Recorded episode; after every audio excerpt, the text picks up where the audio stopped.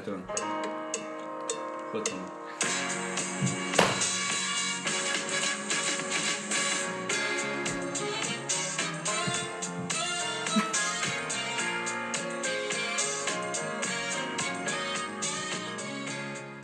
Hallå! Hej hej! Och välkomna till avsnitt eh, 31 31. av Medförfattarna. Jag skjuter från höften med den. Det kan också vara Ni 32. kan läsa i podcastappen vad det står för siffrorna precis framför namnet på det här avsnittet så, så framgår det nog. Men vi är igång igen. Vi är igång igen. Eh, nytt sen sist. Är det något? Ja, men vi har ju en bli, nybliven läkare. Ja. se där. Grattis Mia! Får jag kalla mig läkare nu? Jag tycker alltid det är så här svårt. Nu, ja, men nu, har du ju... Nu har du ju... Jag har eh, Examen. Examen. examensbeviset till och med. Precis. Kom hemskickat med Shit. posten. Bra. Ja, så nu poddar vi från Lund och vi kommer nu alla att eh, leva och verka inom Region Skåne framöver. Det är ju skönt. Mm, minskar på, vad heter det? The diversity i podden. Ja, Men vi precis. var ju så himla spretiga innan. Vi hade ju täckning över hela landet nästan. Jättespretiga. Men idag så ska vi tillägna hela programmet till Uppsala universitets Ja. medicinska forskning. Precis. Alltså, har ni någon, eh, någon koppling till Uppsala? Eh, Du har ju det. jag har bott där i 5-6 år och pluggat till eh, ingenjör, civilingenjör på Pollux. Jag har varit i Uppsala. Jag har också varit i Uppsala. Ja. Har du varit på, Ungefär det. på nation? Ja. Ja. På Stocken? Ja. Nej. Nej. Jo, där har Jo, jag kanske. varit. Vi hade någon gemensam På Snärkan? Var har ni varit då? Jag var på Snärkes tror jag. Och på um, Norrlands. Norrlands var Mm. Och långt tror jag. Det är lite skillnad på nationerna i Uppsala och i Lund. Lund Lite är de verkligen, verkligen usla i jämförelse mot Uppsalas pampiga. Ska vi se hur det är med forskningen då? Ja, precis. Det är inte därför vi är här, för att prata om nationen. Vi skulle ju säga, musiken där var ju då Veronica Maggio som vi, Solklar um, Uppsala. vignett-intro från Uppsala. Ja. Precis. Ja. Eh, bra, men eh, vi eh, har ju inte förklarat vad vi ska göra, men eh, det vet ni kanske. Vi ska prata om eh, någon gammal och viktig forskning, någon eh, ny och fräsch eh, grej och eh, något udda till sist. Allt från Uppsala universitet, det här avsnittet. Nu drar vi igång! Välkomna.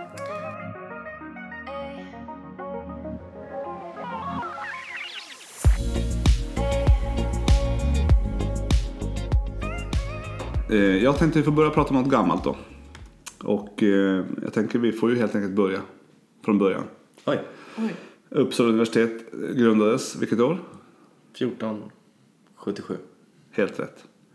Eh, och det var nog till början ett ganska torrt och tråkigt ställe tror jag.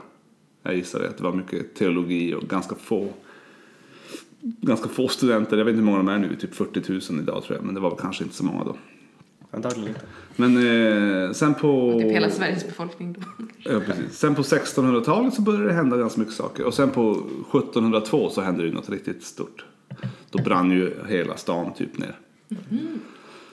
Det, var, det var en stor händelse. Domkyrka, allt brann. Jag vet inte exakt hur mycket men det brann som bara den.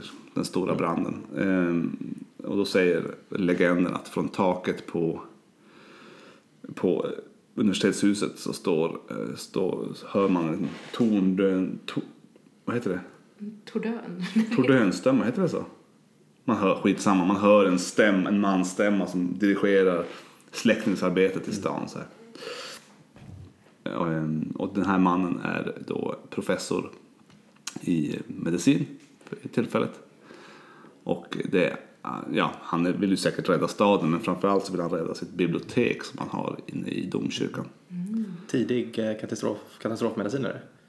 Eh, nej, ja, ja, kan man säga. Han, inte- Han tog kommandot direkt Ja, han, som tog professor i han, medicin. han ställde sig på taket och bara liksom Ja. dirigerade.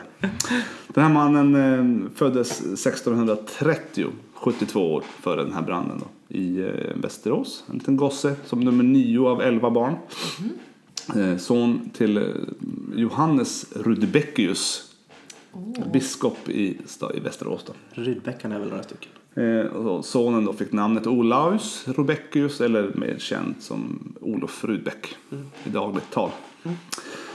Olof gick på pappans eh, nystartade gymnasium i Västerås och var ganska skarp verkar det som. Han byggde någon sorts klocka där. Som, jag vet inte. ett Under ur. gymnasiet. Under gymnasiet byggde han ett ur som kunde slå klockslagen på, ja, mycket oklart. Avancerad träslöjd. Ja, kanske. eh, ibland undrar man ju om sånt här bara kommer upp. Det kanske var precis bara träslöjd och så, så i, i historien så förvrängs det där som att det var något jättestort. Ja. Men det visade sig sen att han gjorde ju andra bra saker. Han kom i alla fall till Uppsala som 18-åring. Född 30, så 48 kom han då. Då skrev han in sig på medicinlinjen. Det var inte som, det var inte som nu att man måste så att säga kanske få något sorts inträdesprov. Jag tror det var de som hade råd och- att komma dit fick komma dit. Då Och- skrev man in sig bara. det låter som det i alla fall. Eh, inga betyg och så vidare. Men det var, det var en professor och fyra till fem studenter per termin. Skönt. Så det var lite som en, som en PBL-grupp sådär, fast man var bara det. That's it. Liksom. Bra handledning. Hela läkarprogrammet, ja. Ja. Det fanns ju inte riktigt, jag tror inte att det fanns katedrala föreläsningar som de nu och så. Jag vet inte exakt hur det gick till. Ja. Det var ju inte samma utbildning som nu- då som nu. Ehm, Den här Olof hade eh, ett stor, väldigt stort intresse av att skära i döda djur. Det var liksom det som blev hans. Det kanske alla hade, men han, var, han var, hade väl talang för det också. Så han eh, gjorde det mycket frekvent. Det var katter, det var hundar, eh, det var får och kalvar. Har vi blivit en sån här true crime-podd? Ja, jag tänkte också, jag gillar ju true crime. Det är ju crime, det är verkligen den vibbarna man jag får. tror, nej precis. Nej, men han, var, han var väldigt duktig på det här. Så han fick skära. Det var mest djur. Jag tror att han fick säkert dissekera lite människor, men mest djur. Mm. Han var så duktig så att han till och med fick visa upp sina, sina skills för drott- drottning eh, Kristina. Bra show. Eh, då, och då, eh, det här gjorde han mm, när han var 30 och, nu ska vi se hur gammal var han? Förlåt, 22 år gammal var han. 22 år så gjorde han detta så det var eh, 1652. Så då dissekerade han eh, ett kadaver av en eh, katt tror jag, en hund eller katt. Och visade upp hur det gick till för drottningen. Och sen så visade han även att här har, har vi ett kärlsystem som inte som, vi, som är nytt liksom. Visade han upp för henne. Det var då det lymfatiska kärlsystemet. Mm det var inte riktigt ut, Kartlagt. kartlagt än. Man hade kanske sett det och sådär. Eh, han visade även upp Ductus thoracicus som då hette något annat troligtvis då när han hade hittat det. Men han kunde ändå visa liksom, han kartlade hela det. Det var det som blev, han, eh, det var det som blev hans Gärning. hans avhandling. Oj. Nej, det var en av hans gärningar. Men rent medicinskt, det var hans första, det var hans avhandling. Då. Den, hette, den hette Novo exer, Exercitation Anatomica. Exercitation Anatomica, oklart. Ny anatomisk undersökning. Hette hans avhandling. 22 år gammal gjorde han detta. Och han tyckte att han hitt, var det han som hittade det lymfatiska systemet? Ja, så han har ju fått credden för att ha, för att ha kart, hittat och kartlagt det, det lymfatiska systemet. Okej. 22 år gammal. Samtidigt så satt i Danmark satt en man som heter Thomas Bartolinus. Nu mer känd som Bartolin. Oklart om han har Alltså gett upp. I... Jag vet inte om han, han har gett upp. Körteln. Ja, jag gissar det. Också anatomiskt kunnig och eh, hade också kartlagt det här lymfatiska systemet. Och han publicerade före Olof. Men, vilket blev en jättetvist i den vetenskapliga världen. Vem var först? Du kan få de här körtlarna, Precis, du kan få körtlarna här. På. Alltså jag måste dra en anekdot här. Det, Ja. eller vad det nu är. Alltså apropå att lymfsystemet är lite Ja, det är lätt bortglömt kanske. Och hur ser det ut egentligen? Vi hade, eh, fick operera grisar nu här på sista eh, kursen i transplantation. Och så jag och eh, min kollega då, så att säga, vi stod och fridissekerade en, en njure då. Och så liksom bara går vi runt där och vi är ganska nära liksom mot eh, kärlen där med aorta och kava och liksom, men vi tycker liksom vi har inte varit på någonting och vi har uretären där och så bara puff, helt plötsligt så börjar det liksom komma massa klar vätska som bara stiger och stiger och liksom upp i såret och vi bara men vad är det, vad är det? Alltså, det är liksom, nej men det kan inte vara urin, det kommer ju här och liksom och så här, vi har det- helt förbluffade och sen får vi liksom så här räcka upp handen och bara fråga vår handledare och han bara Ja, vad har vi för vätskor i kroppen Ja. liksom? Det, Var, var detta på NKS? Nej, det här var ju... Annars hade det kunnat läcka ett. Nej, det här var på ga Precis. gamla KS Det var någon som spolade på både idag. Ja. Och det var ju då tydligen... Eh, alltså... det var ju Rolf Lufts center Ja. faktiskt. Gamla hederliga. Kul. Eh, Okej, och det var alltså lymfa. Ja, det var då eh, Ductus thoracicus som vi hade gått in i Skurit utan, Ja. ja, utan ens att se den. Så det kan ju vara värt att komma ihåg. Ja, den, den är ju den största, men den är ju inte stor tror jag inte. Nej, alltså jag hade, såg inte vad vi gick in i där. Rydbeck visste det vid 22 års 22. ålder. Ja, han var ju mycket bättre.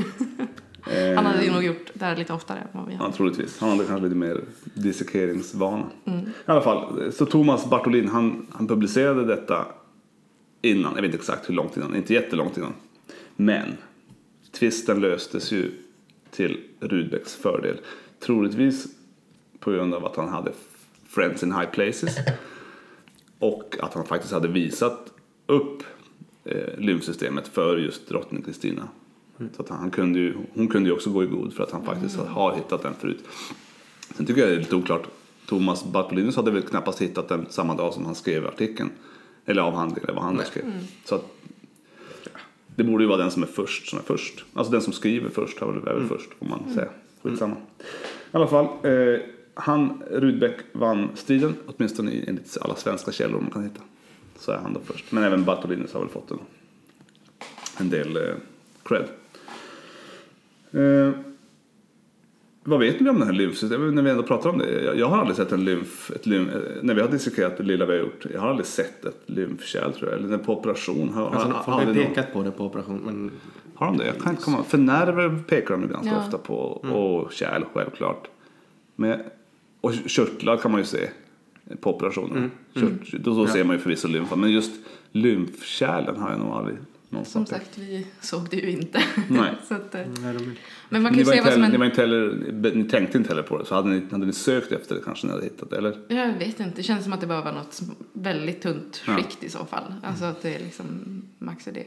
Sen har vi sett... Det är ju alltså, inget tryck det, är ju inget trycksatt system, det är ju väldigt lågt tryck med klaffar som går då utifrån.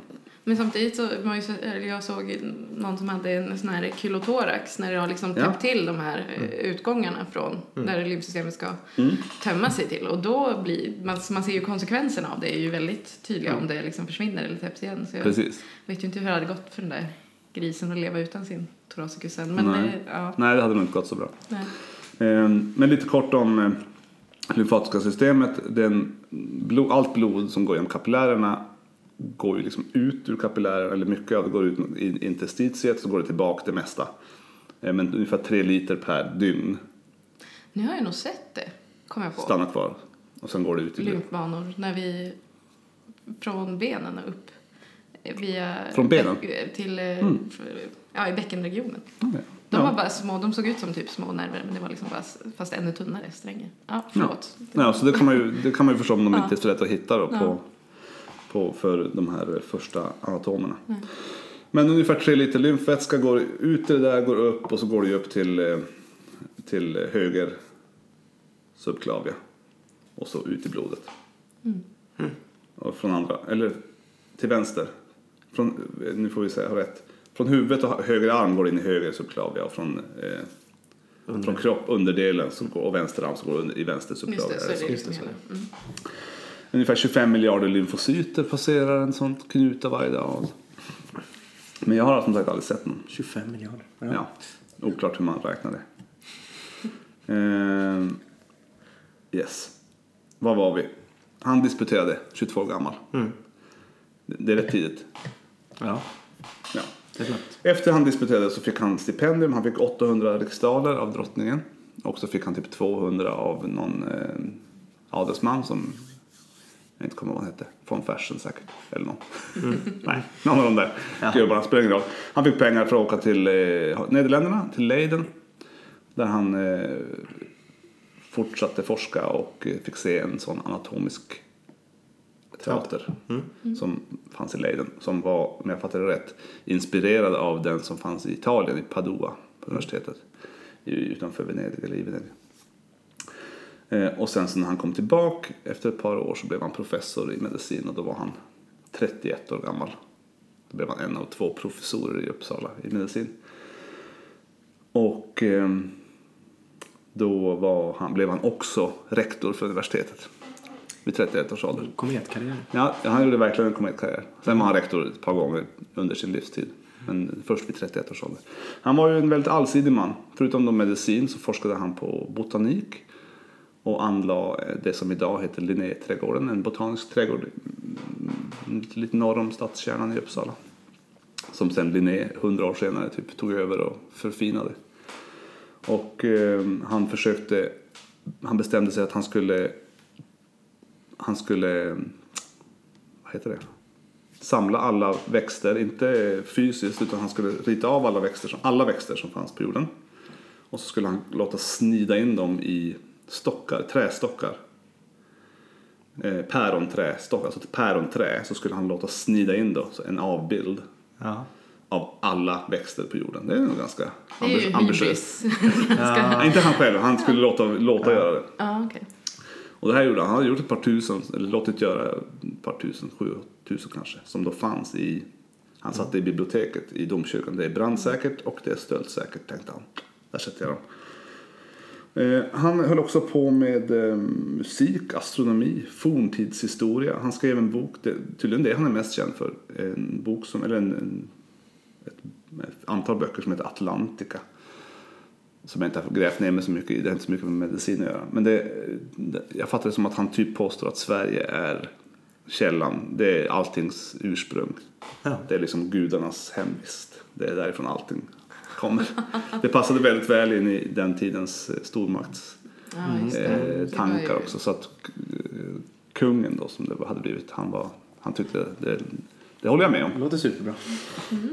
Ehm, och sen så byggde han under typ kanske 60-talet där, 16-60-talet, så byggde han då det som idag heter Gustavianen. Så det var på taket, hög, översta våningen på, på universitetshuset, dåvarande universitetshuset, så tog man bort en bit av taket så byggde han en anatomisk teater Mm, just det. som finns kvar idag att gå och titta på. Så då kan man stå 200 personer, studenter och andra, kunde stå i väldigt branta rader Extremt bra. och tittar ner mot en, en bår i mitten då, där han kunde dissekera preparat.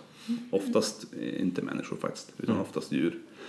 Och så fanns det då fönster runt om hela kupolen ovanför som, titt, som man får bra ljus. Alltså man klagar ju själv ibland, eller man känner själv på operationen att åh nu ser jag ingenting. Nej, där ser man inte, kan man inte se. Och framförallt tänker jag man har ju just, inte sett någonting överhuvudtaget. jag har varit i den här Gustavian, ni borde åka vi, dit. Vi var också där. Ni har varit där? Ja, ja. Eh, Jag har inte varit där. ja jag har varit där. Anatomiska teatern. Det, Ja, men det, det, fanns guidade turer vi kunde åka med från skolan. Men det var inte ja, men det, det står kvar där, det är bara att gå dit. Om man är i Uppsala. Ehm, nej, man kan inte ha sett jättemycket, men eh, lite grann. Men tydligen så frångick Rudbeck den här gamla traditionen att man skulle dissekera natt, på natten. Varför man nu skulle det. För att det var lite shady business liksom. Kanske. Men han, han började göra på dagtid så fick han solljus från alla. Det är en helt åttakantig kupol och så det kom ljus från alla håll och så ner, som centrerades ner på bordet. Ehm, utöver allt detta så eh, stenlade han stadens gator. Han startade reguljära båtturer och byggde varv mellan alltså Stockholm och Uppsala. Du vet, han gjorde allt. Oj, han måste ha blivit lite mer än bara rektor. Liksom. Ja, ja. Men man vet ju inte riktigt hur många som bodde i stan. Det låter ju som att dagens studenter Wow. har en del ambition, en del, eh, har lite lägre ambitionsnivå än vad Olof Rudbeck har. Han kanske andra studenter. Han startade så här fäktningsskolor och ridningsskolor för de andra. Och han var nog också en ganska speciell person kanske. Ett universalgeni eller något. Ehm, Men också så- lättare att vara det på den tiden. Ja, ja, det tror jag absolut. Och det handlade väl ganska, men han var ju uppenbarligen bundis med, med makten och adeln så att han fick väl pengar och så. Och med, med prästerna. Så, ehm, men sen då i maj 1702 så började det brinna i, i stan och hans, bland annat hans. Bibliotek och hans päronstockar brinner upp. Och, Nej. och typ två, den sista, eller de två sista opublicerade eh, delarna av den här Atlantica, de brann upp. Så de finns liksom inte för eftervärlden. Men Gustav Janum klarade sig. Gustav Janum klarade sig. Och hans anatomiska teater där han då stod på taket, om jag har förstått det hela rätt. Och dirigerade släckningsarbetet. Katastrofmediciner också. Så han var katastrofmedicinare. Så att han, han började ju som medicinare men han slutade ju som en, en något eh, jag vet inte, väldigt universellt Borgmästare i. Uppsala. Ja. Ja, men han gjorde allt, allt möjligt. Ehm, och som sagt, det kanske är mer som historiker han blev känd för eftervärlden. Men, men även Rudbeck, eh, de har fortfarande så, Rudbecksdagen i Uppsala. liksom. Medicindagar. Så det var lite gammalt om Uppsala. Ja, det var riktigt gammalt. Väldigt gammalt. Ja. Har du några frågor om lymfsystemet? Alldeles för många. Otroligt många egentligen. Ja. Det är ju lite, det är ingenting man riktigt tänker på förrän man kanske saknar det. De som har, de som har gjort en, en axelutrymning och eh, har en arm som inte töms på lymfa, de har ju jätteproblem. Eh, Eller de som har fått elefantiasis på grund av stopp i bäckenet. De, de tänker nog mer på sin, sin lymfa än vad gemene man gör. Ja, det är en liten bubblare liksom. Ja. Och det också, någon, någon ska komma och hitta det också. Mm. Men det var troligtvis, det kom lite senare såklart eftersom det var inte så stort och tydligt som alla kärl och nerv. De stora kärl. Ja. Ja, Ja. vi går vidare till, eh, eller vi Något- fortsätter med Uppsala, något Vi nytt. fortsätter med Uppsala, men något eh, nytt från Uppsala. Yes. Ja.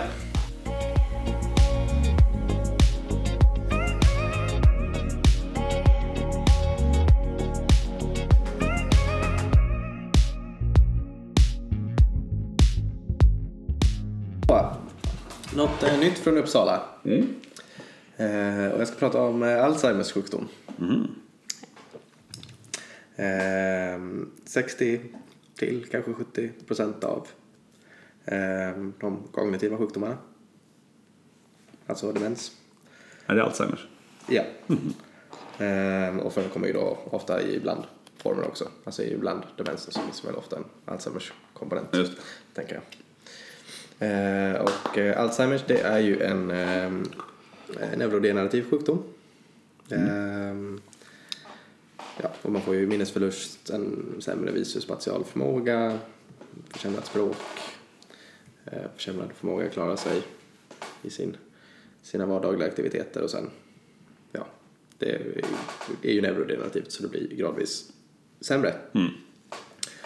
Eh, och eh, själva diagnosen ställs väl ehm, egentligen vid en Postmortem. obduktion. Ja, Postmortem. vid en obduktion. När man kan se de eh, neuropatologiska förändringarna som hör till eh, Alzheimer. Att, alltså att man har plack av beta-amyloid och tangles av tau, eller fosforilerat tau.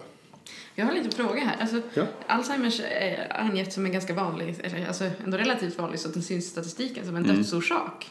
Det tycker jag är liksom intressant. Ja, Är det liksom, är- det verkligen man det man dör, det man dör av? Eller det vi liksom blev uppmanade av en geriatriker eh, för några veckor sedan på en, eh, en föreläsning att ange det som i alla fall en, en av dödsorsakerna. För att ofta är det ju i alla fall bidra, starkt, starkt bidragande till Men på vilket sätt skulle man dö av att om man slutar kunna sköta sitt liv i vardagen, om man slutar äta och dricka, om man slutar... Ja, okej. alltså, Ja, för sig. eh, Men får man till exempel svårt att svälja av Alzheimers? För då skulle man kunna säga att det är därför du aspirerar. eller?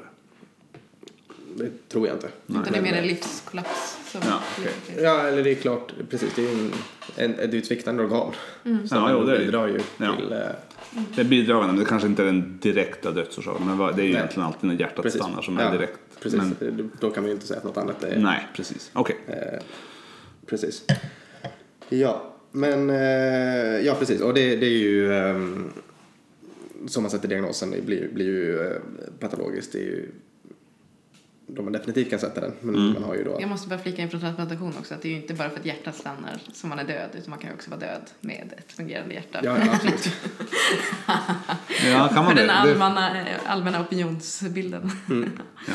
Ja. ja, men eh, det här kan man ju eh, få ett tum om eh, kliniskt då med den kliniska bilden såklart och eh, med eh, likvårprover som förhöjt fosfatau eh, och sänkning av betamyloid i, i lik- likvår eh, och eh, röntgenavbildningar som visar atrofi på vissa ställen och minskat blodflöde framförallt temporalt och parietalt om man gör en spekt.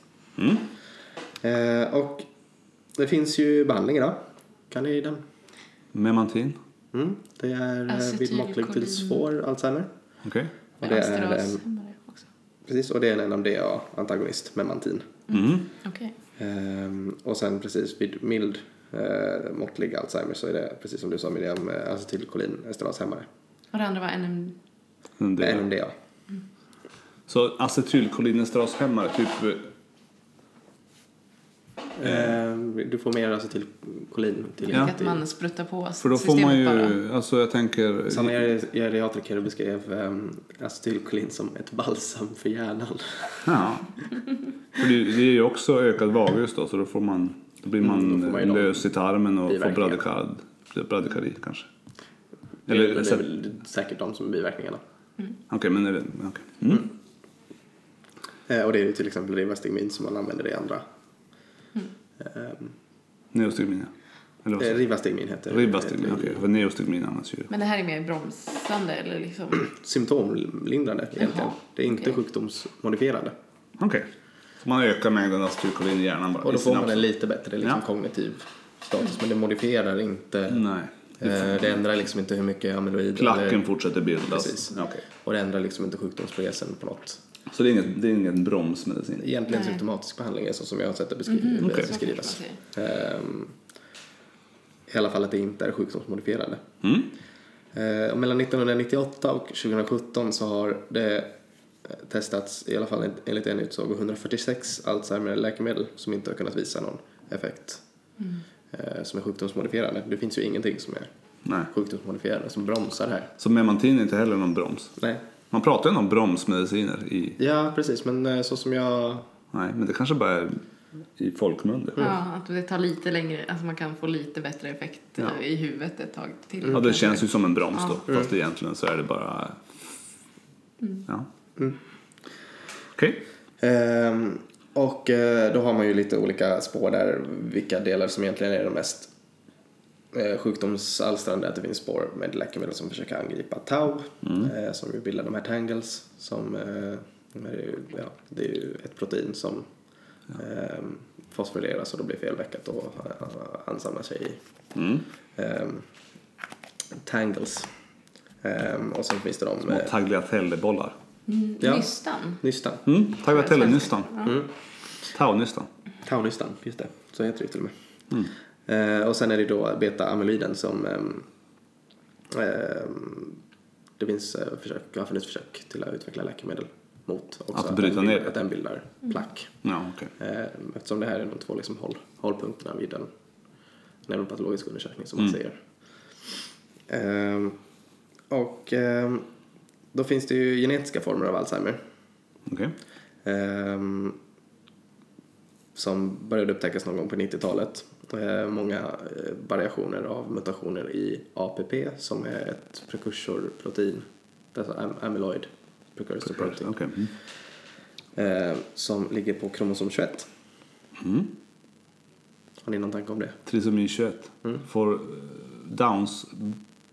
Men Down syndrom-patienter snabbare Alzheimers då? Ja, de får ju Alzheimer tidigt. Mm, just det, för då har de tre För de har, tre, uppsättningar. de har, Ja, de har- de har ökad risk för det? Tre, tre uppsättningar av APP. Ehm, så det stödjer väl lite att APP har ehm, Har någonting med saken att göra? eh, någon effekt där. Och sen är det ju då, finns det då ett 20-tal olika mutationer i APP som eh, ger upphov till tidig Så om man har Alzheimer. Down syndrom och en muterad APP då får man Då får Alzheimer är väldigt tidigt, 10 till år. Ja.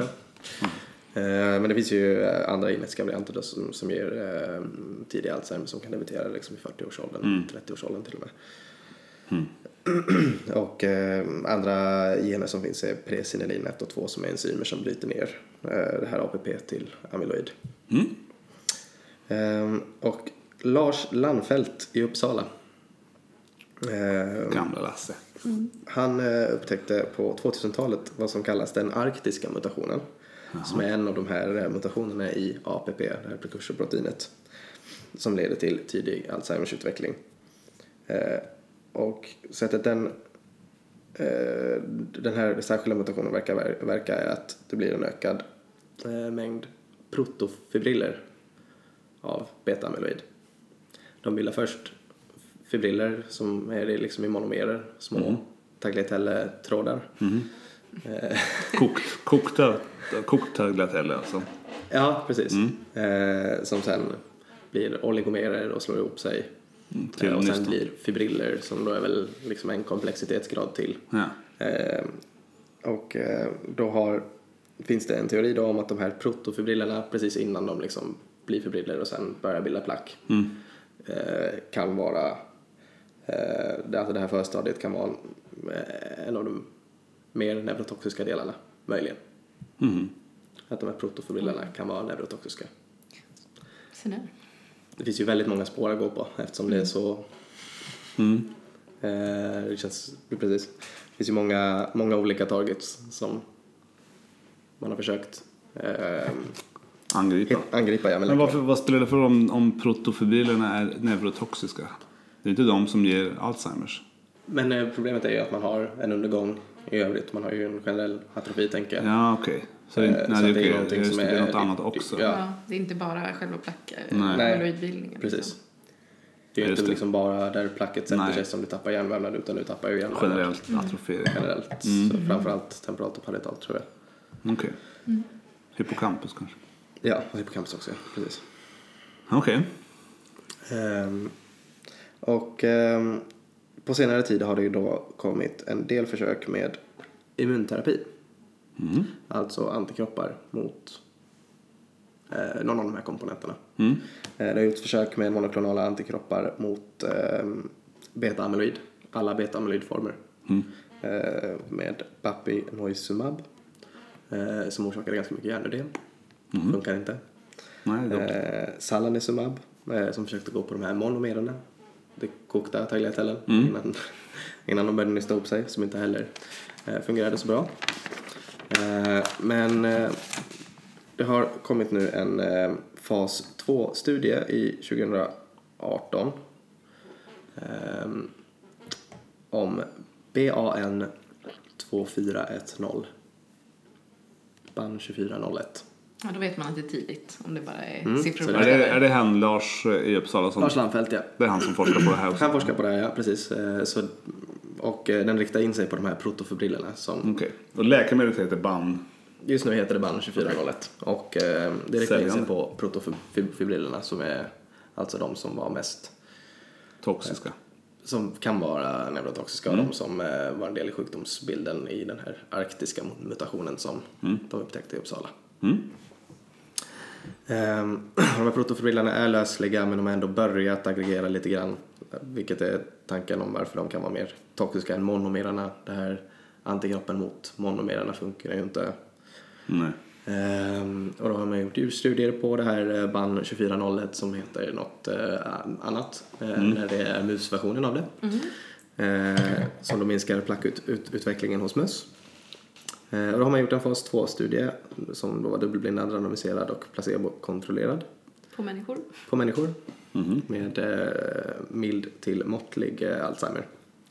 Eh, och det gavs som en IV-infusion och testade flera dosregimer då. Och det man är mest rädd för med de här behandlingarna är att kring, om man angriper amyloiden att man har en risk för både hjärnödem och blödning eh, som är relaterad till att man angriper amyloiden. Just det. Och sammanfattningsvis i fas 2-studien så kunde man påvisa att det verkar säkert, eventuellt en liten ökning av um, luftvägsinfektioner, bland annat synoit. Men eh, ja, Det kan man ju leva med. i stort sett säkert. Eh, och man visade också då på farmakokinetiken och allt det där som man gör i en fas 2-studie. Ja. Att man visar att ja, det tas upp och det finns i likvår och det finns, Ja. ungefär så. Eh, och så finns det även lite extra resultat då som det inte finns en artikel på. Nej. Men det finns ett konferensabstract från eh, en internationell eh, Al- Alzheimers konferens förra året. Jaha. Jag kunde inte hitta artikeln på det här. Du grävde fram det, det var snyggt. Eh, där man då eh, såg att eh, vid alla doser av eh, BAN 2401 så eh, minskade mängden amyloid eh, i, i plasmabiomarkörprover. Eh, och i den högsta dosgruppen så såg man också en minskad kognitiv nedgång med 35% efter 12 månader.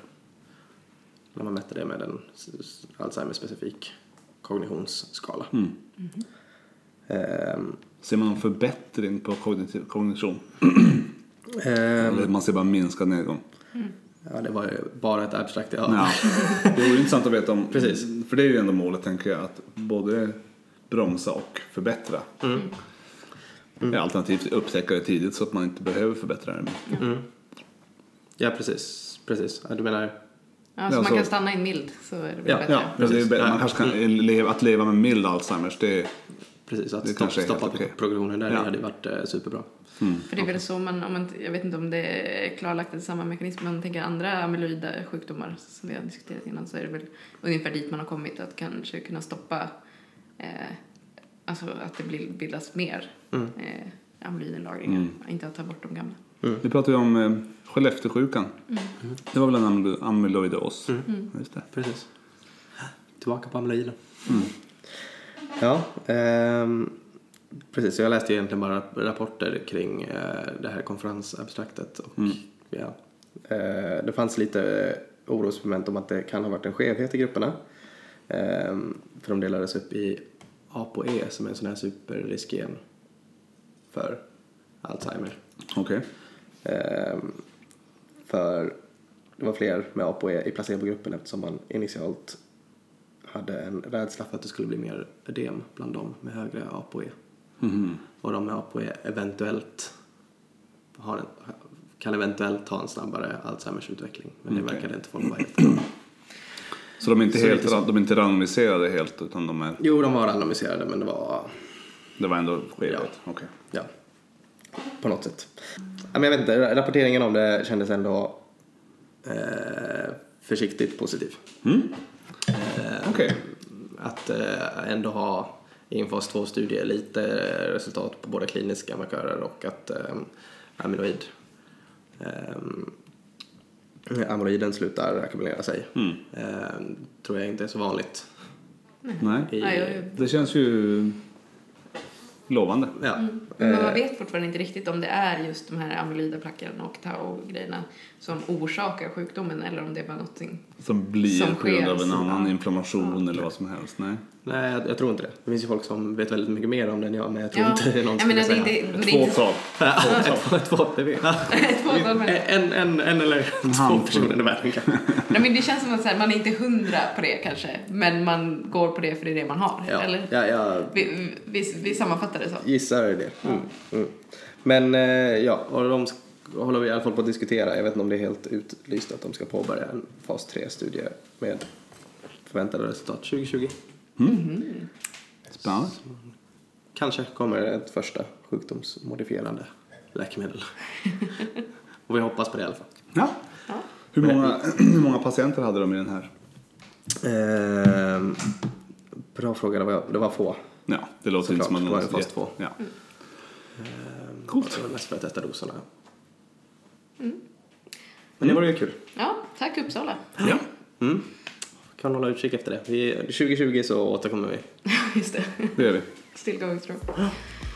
Ja, men då kör vi vidare Tack mot för något det. nytt. Tack, nej, något udda. Något udda nu. Mm. Tack för det.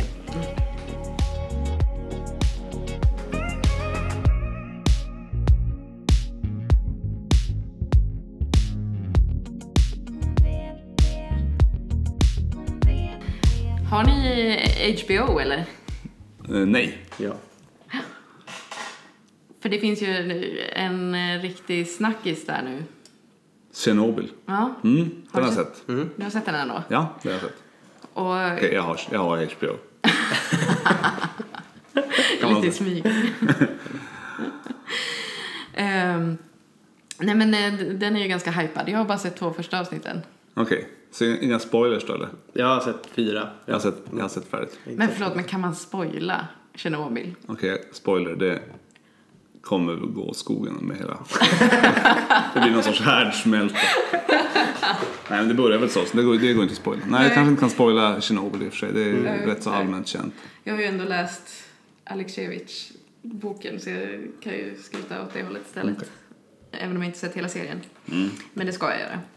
Eh, och det var egentligen den som kanske fick mig eh, att nappa på den här studien som lite udda från Uppsala.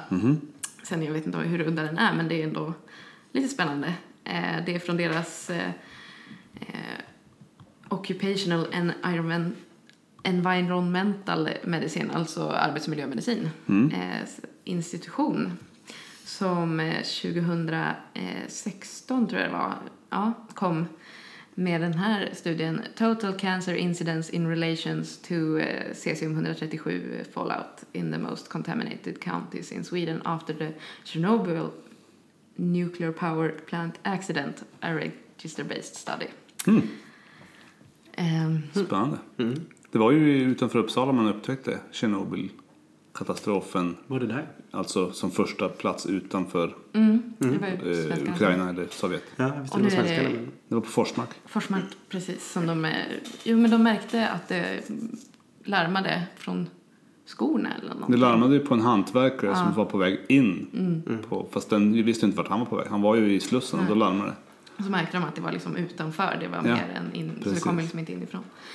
Ehm, ja, och alla kanske inte har sett serien, men eh, ja, Tjernobyl skedde, eh, nu ska vi se, 26 april var det, 1986 då. Mm. I, i, ja, strax norr om Kiev i Ukraina. I, och staden heter alltså Pripyat. Det lärde jag mig av serien. Ja. Och det var liksom eh, eh, kraftverket som hette Tjernobyl. Men, eh, och det här sätter ju då lite i en eh, svensk kontext då. Det blev väl mycket här ändå med att man inte fick eh, äta bär som man Nej. plockat själv och inte Renkött och... precis i vilda djur man hade jagat, eller fisk tror jag Mm. kan också varit. Men det, ja, det var en katastrof. Men hur mycket har det påverkat oss här? Det eh, står att eh, ungefär 5 procent av eh, allt eh, är liksom eh, det här cesiumet 137 som släpptes Mm. eh, från Tjernobyl hamnade i Sverige. Okej. Ganska mycket. Ja. Mm. Det var väl på grund av hur vindarna blåste och sådär. Ja, och det var väl framförallt eh, runt alltså Bottenhavet då, i kusten där. Mm. Och redan då så eh, räknade man på att ungefär 300 extra eh, cancerdödsfall skulle ske i Sverige på grund av det här. Ehm, men det vet man ju inte. Det, ja, det var ju en eh, uppskattning då. Ja, och, Då undrar man hur många ja. som skedde i Ukraina. Ja. Eller har skett. Ja, det finns ju olika, väldigt, väldigt olika siffror kring det här också. Eh, särskilt från gamla eh, Sovjetstater så Ja. finns det allt från att det var 11 dödsfall till flera miljoner dödsfall ja. orsakade av det här. Så att det är väl därför också det är värt att forska på på riktigt. Nej men alltså på Ja. riktigt. Ja. Att det var i princip bara de som eh, brandmännen där som åkte in och dog av akuta strålskador. Som det, Resten var bara otur. ja, precis. Mm. Sammanträffande. Eh. Men här står det att eh, om den, den uppskattade effektiva dosen till liksom viss del av befolkningen var en till två millisieverts per år. Och det är väl ungefär det vi får som bakgrundsstrålning, men jag tänker väl att det var väl ungefär det vi fick extra. Mm. Så en dubblerad bakgrundsstrålning i princip då. Men det blev ju då inte lika över hela eh, Sverige. Så att, eh, det de har gjort här nu då är att eh, göra en liksom, nu har det gått eh, ganska länge sedan dess så nu kan man väl börja göra de här uppföljningsstudierna. Och de har gjort någon liksom större ekologisk studie som där man liksom bara tittar på gruppnivå innan och inte liksom kommit fram till någon jätteskillnad. Men nu gjorde de så här istället att de eh, gjorde någon sorts digital karta över Sverige över liksom uppmätta eh, luftstrålningen på olika ställen. Och så tog de de tre länen, måste det vara, counties. tror jag. Ehm, ja, det borde det vara. För det var Uppsala, Gävleborg och eh, Västernorrland Mm. som fick mest eh, strålning. Och i, eh, man har väl räknat, alltså den högsta kvartilen av alla som fick strålning i Sverige så bodde 88 procent i de här länen. Så det var ju framförallt där. Och sen så tog man dem och man räknade ut då en kumulativ, kumulativ dos för dem, vad de kunde ha fått mellan typ eh, 86 och 90. Mm. Just, men det var ju inte då mätt på personer med en dosimeter kanske, utan det var liksom en uppskattning utifrån eh, luftmätningar då. Och sen så eh, tog man de här, det var ju 226 000 personer. Eh, ungefär eh, som bodde där då. Och så har man liksom följt dem vart de har bott sedan dess. Och så eh, utslöt man de som hade cancer redan innan då och sen tog man från 1990 och följde dem i, till 2010 i Mm. cancerregistret. 20 år då. Så, då- och sen blev det ju väldigt klurigt snabbt dock. För vad gör att man får cancer? Mm. Och finns det confounders som gör att man får cancer? Jo, det finns väldigt mycket. Det finns, Absolut. du har högre risk om du bor i en stadsmiljö än ute på landet och i Västernorrland ganska mycket land. Och liksom så här. Eh, och ja, men, ålder och kön och allt möjligt liksom. Och eh, vilka vanor du har. Eh, Men de har i alla fall försökt eh, justera för det allra, allra mesta. Eh, och då hittade de väl en... eh, De jämförde med... De delade in hela den här gruppen i kvartiler också. Och så tog de den som hade fått lägst strålning som... Eh, liksom som referensgrupp. Och sen försökte, skulle de ju också jämföra då för att fick man mer cancer på 80-talet generellt än på Ja, just det. 2010-talet så de fick räkna ut någon standardized eh, rate för det också eh, och liksom dubbelkolla mot. Men till sist så såg man i alla fall att de som var i mittenkvartilerna, eh, två och tre där då, som eh, de hade en ungefär 1,03 eh, hazard ratio för cancer och de som i den högsta gruppen, eh, kvartilen, hade en 1,05 eh, eh, hazard ratio. Alltså över 20 år. Ja, att utveckla cancer. Och med eh, då signifikanta eh, intervall. Men ja, verkligen på gränsen då. Liksom. Mm. Ja, men ändå alltså 5% relativ riskökning på 20 år. 10% på 40. Ja. Mhm. Men det är liksom, det är, Ja, det är inte försumbart. Nej. Men det är ganska litet och det är inte tillräckligt att de, de kunde inte göra någon sån här kausal inferensanalys. Att de kunde inte säga att det, säga att det var på grund av Tjernobyl det här har hänt. För det Nej. finns till, fortfarande tillräckligt mycket annat som... Men något, Spelar in. ja, precis. Men något enstaka fall kan man ju ändå, Ja. eller några fall. Men för ibland kan de göra sånt, men här har de ju inte valt att göra en sån slutsats som Nej. till exempel att Nej. så här många extra fall blev det. Så, Nej. men, ja. Och sen så kommenterar de ju då liksom lite olika vad man har sett eh, tidigare och det beror jättemycket på vilken upplösning man väljer och Mm. sådana tjohejsan hoppsan. Men det man har sett ändå var ju att det här med tyroideacancer hos barn i liksom Ukraina, Vitryssland och västra Ryssland, det har man ju verkligen fastslagit att det ökade Ja. direkt efter. För jag menar, hur vanligt är tyroideacancer hos Ja, precis. barnen då? Så då är det väl ganska, Det borde vara rätt lätt att hitta Lite lättare. ja, särskilt sen när eh, också eh, järnridån föll. Ja, precis. Så mm, kunde man ju titta. Och man började ju titta också först om det skulle öka någonting, liksom barnleukemi i eh, Sverige och runt och sådär. Men det hittar man ingenting av. Så, Nej, så att de här stora växlarna har man inte kunnat eh, det är bra. dra på det här i och för sig. Eh, så, men eh, ja. Hmm.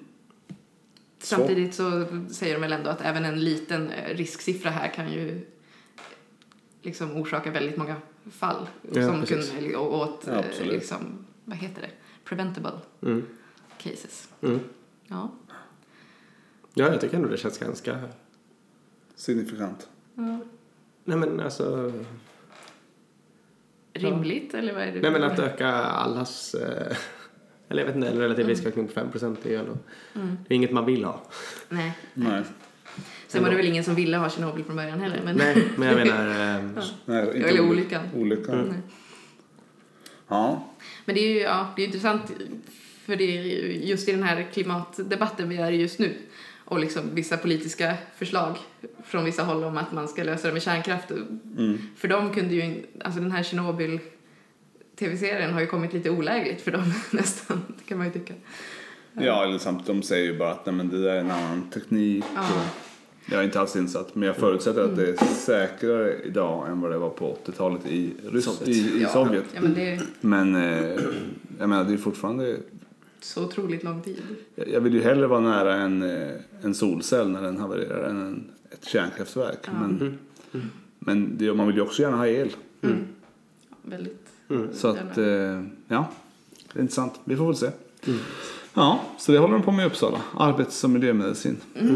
Så det här är ju ändå en, en ganska spännande form av arbetsmiljömedicin. Ja, det finns absolut. ju också Ja, det finns de som inte tror att det är lika spännande. Men det är coolt att man kan forska på så, stora... ja, att man kan, det är liksom verkligen långt ifrån, det är lång tid, det är Ja. väldigt små skillnader men att man ändå kan hitta Sitta, någonting. sitta och göra det i Uppsala. Ja, precis. Ja. Ja. Snyggt!